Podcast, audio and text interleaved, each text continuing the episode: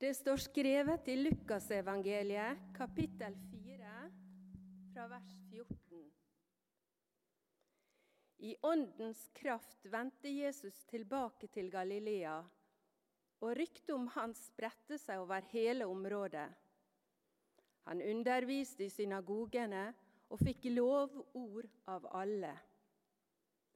Han kom også til Nasaret, hvor han var vokst opp og på sabbaten gikk han inn i synagogen slik han pleide. Da han reiste seg for å lese, rakte de ham profeten Jesajas bok. Han åpnet bokrullen og fant stedet der det står skrevet Herrens ånd er over meg, for han har salvet meg til å forkynne et godt budskap for fattige. Han har sendt meg for å rope ut at fanger skal få frihet og blinde få synet igjen, for å sette undertrykte fri og rope ut et nådens ord for Herren. Så rullet han bokrullen sammen, rakte den til synagogetjeneren og satte seg. Alle i synagogen stirret spent på ham. Han begynte da med å si:" I dag er dette skriftordet blitt oppfylt mens dere hørte på. Alle roste ham og undra seg over nådeordene som kom fra hans munn. Er ikke dette Josefs sønn? spurte de. Da sa Jesus til dem, dere vil sikkert minne meg om dette ordtaket, lege, leg deg selv. Dere vil si, vi har hørt om alt som har skjedd i Kapernaum. Gjør det samme her på ditt eget hjemsted. Og han la til, Sannelig, jeg sier dere, ingen profet blir godt mottatt på hjemstedet sitt.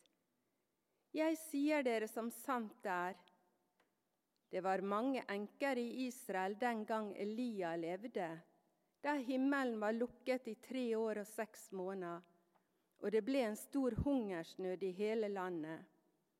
Likevel ble ikke Elias sendt til noen av dem, bare til en enke i Sarepta i Sidonlandet.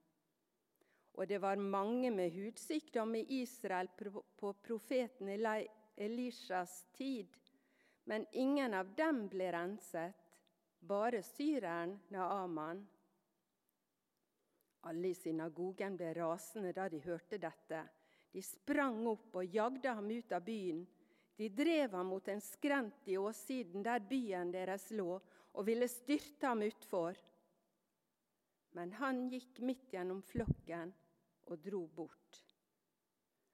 Slik lyder Herrens ord.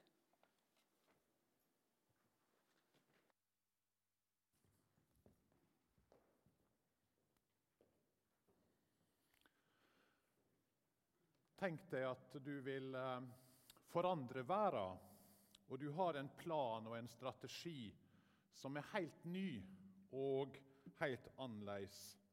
Du kommer med et nytt budskap, et budskap som vil velte om på alt. Og Dersom folk vil følge deg og høre det budskapet, ja, så vil alt bli nytt, og alt vil bli godt, og alt vil bli bra. Hvor ville du da ha presentert dette budskapet, hvis det var deg? Ja, Du hadde jo kanskje håpet på litt tid på Dagsrevyen, eller du hadde iallfall dratt til Oslo for å promotere dette her, for å stå fram med dette fantastiske budskapet. Da Jesus står fram, han som er Gud, han som er sendt av Gud, med et fantastisk budskap om at Guds rike nå er kommet nær. At Gud har kommet hit til jord. Hvor står Jesus fram med dette budskapet? Sentrum i denne verden var jo Roma. Så hvis han skulle ha gått til det som var senteret, så var det jo Roma som var plassen. Aten var jo plassen for filosofi og alt som hadde med tanker, nye ideer å gjøre. Jerusalem det var den religiøse hovedstaden for israelsfolket. Men Jesus står fram i en liten fillelandsby som heter Nasaret. Bare seks kilometer unna Nasaret ligger Sepora, det Seporis, som er, var en storby på Jesu si tid. I Nasaret bodde det kanskje bare 50 familier. Fortell det oss noe om Gud, hvem Gud er? Fortell det oss noe om hvordan Gud framtrer når han kommer hit til jord. At han ikke trenger seg på. At han ikke er opptatt med pomp og prakt. Ikke opptatt med å være der makta og eliten er. Det virker som om Gud, når han skal gjøre noe her i denne verden, så velger han det enkle. Skulle tro han hadde hørt på Rema. Det enkle er ofte det beste. Men det er et eller annet med Jesus og med Gud som, som slår meg. Da han ble født, når Gud skulle komme til verden, så var det i en skitten stall, ikke i et slott eller et palass. Når han står fram, sånn som han gjør denne dagen i den teksten vi leste, med si programerklæring for hvem han er og hva han har kommet for å gjøre, ja, så skjer det i ei synagoge i en liten landsby. Da han døde, så var det på et kors, det mest forakta og forhatte drapsinstrumentet som kunne tenkes. Og han var omgitt av noen få mennesker, kanskje bare den nærmeste familie. Da han står opp igjen fra grava og beseirer døden sin makt, ja, så er det noen få som møter han. Først noen kvinner, så noen av disiplene. Hva er det med Gud? Jeg tenker Gud er en Gud som ikke trenger seg på. Han kommer ikke med makt når han kommer. Men det budskapet han kommer med, ja, det er revolusjonerende. Det er annerledes. Og Kanskje var det ikke så rart at han kom med dette budskapet til de som var samla om Guds ord. For det var jo det som skjedde i synagogen. De var samla om Guds ord. Hva var ei synagoge? Jeg vet ikke om du la merke til det, men når vi hadde tidslinja og i et helt år tok for oss tekster fra Det gamle testamentet, så var det aldri nevnt noe om ei synagoge. Du leser ikke om synagoge i Det gamle testamentet. Du leser om tempelet, men aldri ei synagoge. Så hvor kommer denne her synagoga fra? Jo, det som skjedde, er jo at da Israel var i Babylon, da de var i eksil, så begynte denne tanken å komme fram. Hvis vi husker fra tidslinja, så vet vi at rundt år 1000 levde kong David. Og Da var Israels rike på sitt største og flotteste. Og Sønnen til David, Salomo, bygde det fantastiske tempelet i Jerusalem. Det var liksom glanstida ca. 1000 år før Kristus. Og alle drømte om at en gang så skal en ny David, en ny konge, komme. Etter Salomo døde, så ble riket delt i to. Nordriket, det blå, og Sørriket, Juda, det som er det gule. Nordriket, med Samaria som hovedstad, gikk det dårlig med. Og de ble erobra av asyrerne i 720 ca. før Kristus. Så det var asyrerne som kom og tok Nordriket. Sørriket fortsatte noen år til, men i 586 ble de erobra av Babylon. Tempelet ble ødelagt, og store deler av folket ble bortført til Babylon. Og Her er altså folket i Babylon, og så begynner de å spørre hva gikk galt egentlig. Vi var jo Guds folk. Hva har skjedd? De er i ei krise. Og Deres svar det var jo dette skjedde fordi vi ikke fulgte Guds ord. Vi fulgte ikke Gud, vi gikk vår egen vei. Vi glemte Hans bud og Hans lover.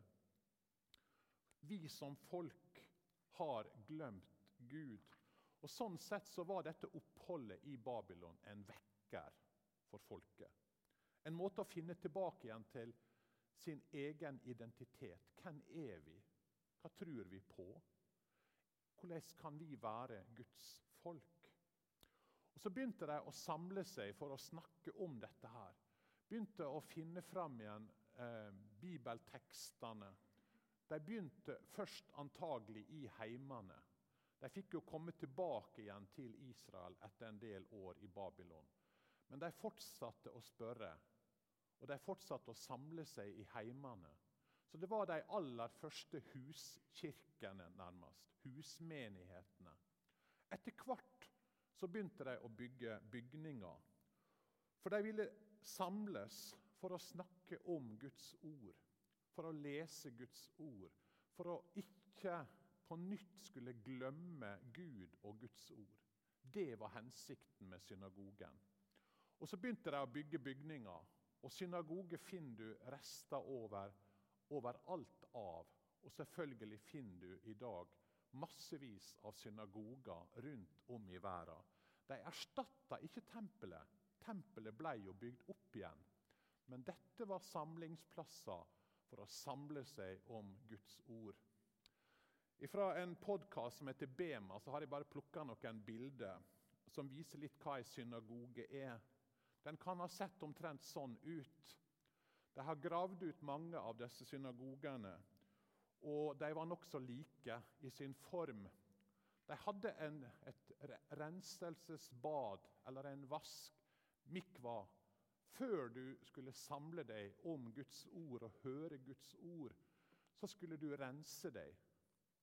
Omtrent som vi også, før vi går videre i gudstjenester, bekjenner syndene våre og legg dem av Oftest var bygningen en basilika med søyle, en søylehall, og gjerne med vindu øverst, fordi en tenkte at vi trenger Guds lys når vi skal lese Guds ord. Vi trenger det lyset som Gud skaper gjennom naturen, for å kunne se og kunne lese det som Han har gitt oss gjennom sitt ord, som jo er ei lykt for ens fot og et lys på ens sti. Teksten ble lest på en opphøyd liten plattform som kalles for en bema. Og det, Den lå midt i rommet. Og Det er et flott bilde. At det er Guds ord som er sentrum. Du samler deg rundt Guds ord. Du er ikke der for å være en tilskuer. Du er der for å være en deltaker når du kommer for å høre Guds ord. Og Sånn sett så er våre kirkerom på en måte litt feil. For her er det liksom Guds ord fra noen til noen. I en synagoge så var du samla rundt ordet. Ytterst langs veggene var det noen seter, men vanligvis så satt du på gulvet eller sto. Men de hadde reservert noen seter. Og De var reservert til hvem? Jo, sånne som meg, med grått hår. Eh, de gamle. Fordi en visste at de gamle satt på en visdom, og den ville gi dem ære, som de kunne få sitte mens de andre måtte sitte på gulvet eller stå. Det var hedersplassene som var for de eldre. Og Det er dette Jesus av og til snakker om når han anklager fariseerne i Matteus 23. og Han sier at eh, de liker å ha hedersplassene i selskaper og sitte fremst i synagogene, og at folk hilser på dem på torget og kaller dem rabbi. Så var det fordi de tok seg sjøl til rette. Dette var en hedersplass som du ble på en måte invitert til. Men Fariseerne tok seg sjøl til rette. Så hadde du i en synagoge et toraskap, et skap for bokrullene, tekstene, Mosebøkene. Og Det var ofte det eneste plassen i synagogen som var utsmykka. Resten av synagogen var nokså enkel, et enkelt rom. Men toraskapet det var utsmykka. For hva var viktig? Jo, det var Guds ord. Det var det som var viktig. En tenkte hvorfor havna vi i Babylon? Jo, fordi vi ikke fulgte Guds ord. Og hvorfor fulgte vi ikke Guds ord? Jo, fordi vi ikke kjente Guds ord. Så tanken var aldri mer skal vi glemme Guds ord. Vi skal overlevere det til neste generasjon. Og Derfor hadde de jo i en synagoge samlinger for barna. De hadde ofte en studiesal der en hadde samlinger for barn og for andre. Så det står at når Jesus underviste i synagogene, så var det ofte i denne studiesalen. Og Der samles en ikke bare på sabbaten, men ofte hver dag.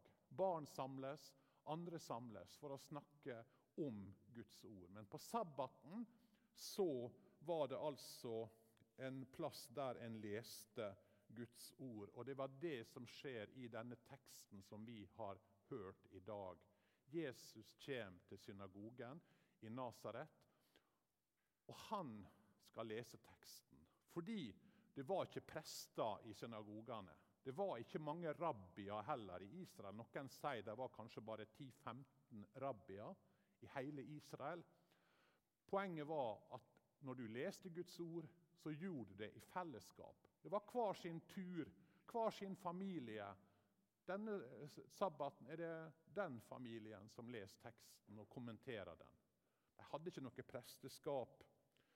I den synagogen der du bodde, der kunne du lese teksten. Så når Jesus kommer denne eh, sabbaten til synagogen, ja, så er det kanskje hans familie, Josef sin familie, som sin tur til å lese teksten. Og der rekker han bokrullen fra Jesaja. Og Så leser Jesus denne fantastiske teksten, en av de flotteste profetiene, om Messias. Om han som skal komme. Om Herrens tjener. Han som alle lengter etter og venter på håpte skulle komme for å sette alt i rett stand, gjenopprette det som var ødelagt. Av synd, av død, av okkupasjon og dødens krefter. Og Jesus leser denne teksten fra Jesaja 61. og Så setter han seg ned, og alle stirrer spent på han. Hva vil han si om denne teksten? Og Så holder Jesus kanskje den korteste og beste talen som noen gang er holdt, den er bare på én setning. Det er sikkert noen her som håpte at vi skulle ha fulgt litt mer Jesu eksempel i Frikirka òg. Eh, men eh, vi trenger litt mer ord for å få fram dette her. Jesus trengte én setning. Hva sier han? I dag er dette skriftordet blitt oppfylt mens dere hørte på. Hva sier Jesus? Jeg er kommet. 'Jeg er her'. Det er alt dere trenger å vite. Jeg er Han. Jeg er Messias.